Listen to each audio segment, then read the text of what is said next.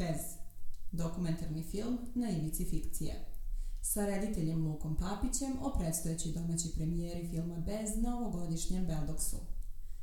Umetnik Aleksandar Denić kreće u potragu za svojim izgubljenim psom. Na tom putu on pokušava da pronađe i svoj identitet, dok se publika upoznaje i sa njegovom vizijom Srbije. Ovako bi se ukratko mogla opisati radnja filma Bez reditelja Luke Papića – Međutim, ovo je i priča o traganju, emocijama, religiji i povezanosti između životinja i ljudi. Ideja za ovaj dokumentarni film sa primesama fikcije nastala je tako što je Luka primetio da je Beograd izlepljen oglasima na kojima se traži izgubljeni psi. To je bio povod da se krene na ovo interesantno putovanje gde, pored protagoniste Denića, nailazimo na autentične ljude i njihove priče o psima – Film Bez će domaćoj publici biti premijerno prikazan 13. maja u Domu omladine Beograda u sklopu ovogodišnjeg međunarodnog festivala dokumentarnog filma Beldox. Tim povodom razgovarali smo sa rediteljem Lukom Papićem o samoj temi filma, odnosu između životinja i ljudi, ali i o spoju dokumentarnog žanra i fikcije. Radnja filma bazira se na potrazi glavnog lika za izgubljenim psom – Kako se razvila ta ideja? Da li je bila inspirisana istinitim događajem? Beograd je generalno izlepljen oglasima na kojima se traže izgubljeni psi. Ljudi očigledno gube pse non stop, pa mi je bilo zanimljivo da zamislim da neko ne samo izgubi psa, već mu pas bukvalno iščezne. Iako je glavni lik Denić, čini se da je zapravo priča o psima nit koja se prepliče kroz ceo film. Zašto ti je bilo važno da psi, umesto ljudi, budu centralni deo filma? Centralni deo filma ipak jesu ljudi. Ceo film nosi lik kojeg tumači Denić, zatim je tu uz njega najprisutniji lik kojeg tumači Đorđe Branković, pa onda i svi ostali epizodni likovi. Psi su pokretač radnje i ono što u tom smislu vezuje likove, a pričajući o psima, skoro uvek se zapravo priča o ljudima.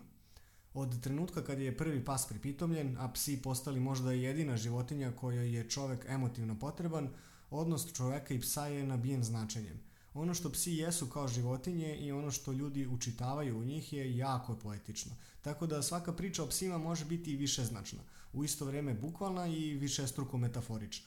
Aleksandar je jedini lik u filmu bez psa, svi ostali govore o svojim psima.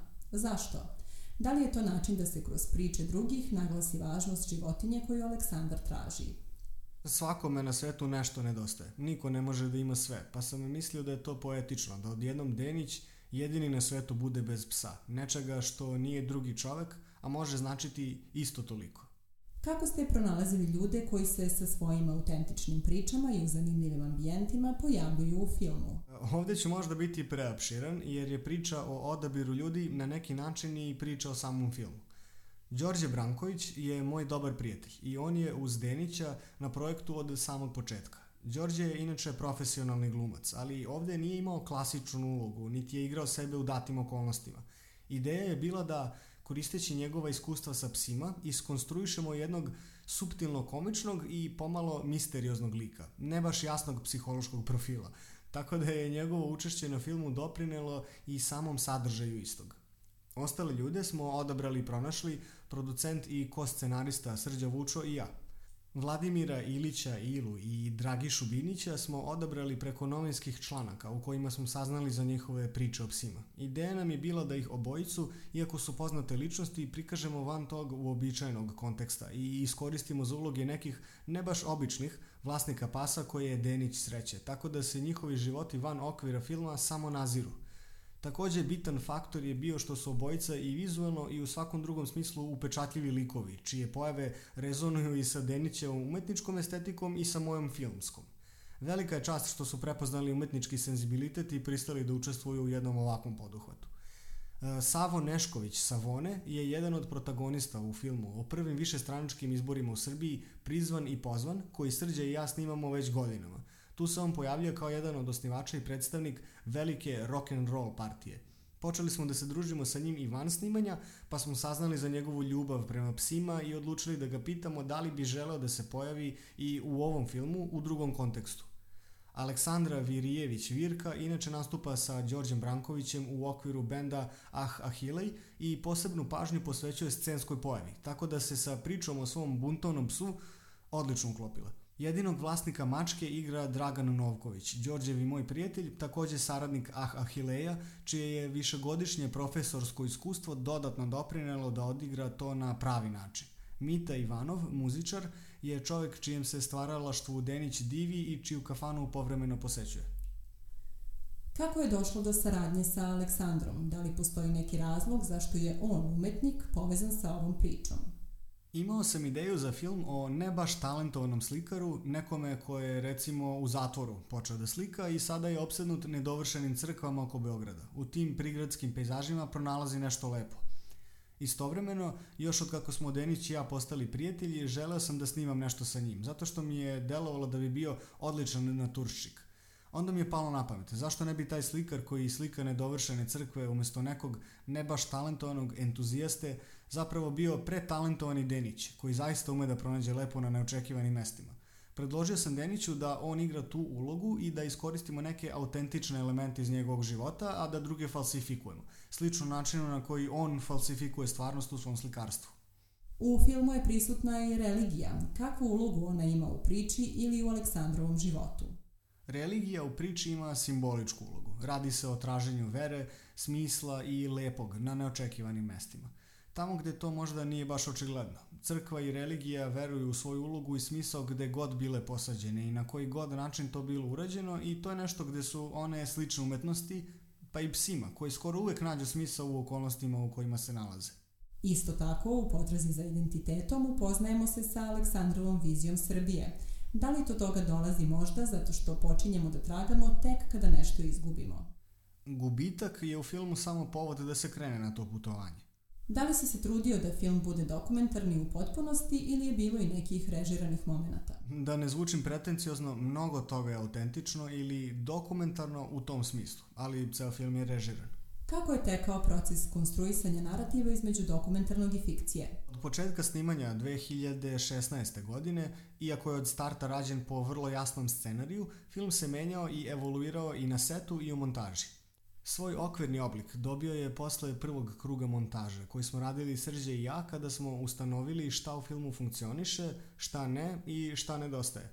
Završni oblik nastao je u drugom krugu montaže koji sam radio sa montažerkom Jelenom Maksimović. Neke ključne stvari, kao što je razgovor dva psa na kraju, bile su čvrsto zakucane od samog starta i zadržale su svoje predviđeno mesto, ali je mnogo toga drugog u procesu montaže, manjim ili većim intervencijama, dobilo pravu ulogu i film je dobio formu koja funkcioniše. Kako si pomenuo na kraju filma daješ reči životinjama, one tada govore ono što o njima misle ljudi. Kako si došao na ideju da i njima daš moć govora? Odnos čoveka i psa se produbljuje i postaje konfuzniji tokom filma. Tako možda i nije neobično da i sami psi u jednom trenutku progovore. U pitanju je odlomak iz Cervantesove novele Razgovor pasa. To je dijalog dva psa koji, iznenađeni svojom naprasnom moći govora, počinju da diskutuju o načinu na koji ljudi vide i doživljavaju pse, a kroz svoje iskustva i priče o bivšim gazdama zapravo analiziraju i kritikuju društvo. Sva pitanja koja psi pokreću su aktualna, kao da je razgovor napisan juče, a ne u 16. ili 17. veku, pa sam hteo da na neki način napravim omaž tom dostignuću i nateram publiku u bioskopu da pročita bar jedan deo. Šta je za tebe čar dokumentarnog žanra? Kod dokumentarnog filma najdraži su mi eksperimenti u samoj filmskoj formi i filmskom jeziku koji se na taj način iz više razloga malo ređe viđaju u igranom filmu. Uvek me interesuje kada neko na zanimljiv način preslaže stvarnost, ma najviše volim forme na ivici fikcije, što ne znači nužno da film mora da naginje kao igrano. Kako se osjećaš povodom domaće premijere na ovogodišnjem Beldoksu? Na Beldoksu je moguće vidjeti razne vrste dokumentarnih i hibridnih filmova, tako da mislim da predstavlja odlično mesto za domaću premijeru i radujem se tome. Strana publika je jako dobro reagovala, čak je prihvatila i taj pomalo neobičan humor, pa mislim da ima šanse da se svidi i domaćoj publici kojoj je tematika ipak bliža. Šta ti iščekuješ da pogledaš na festivalu? Video sam dosta zanimljivih naslova u programu, ali već neko vreme čekam priliku da pogledam The United States of America uh, Jamesa Benninga, koji se ovdje nalazi u selekciji Meteori. Autorka teksta Marija Milić. Tekst čitali Snežana Pajkić i Ivan Radisavljević. Tekst je podržan od strane European Endowment for Democracy.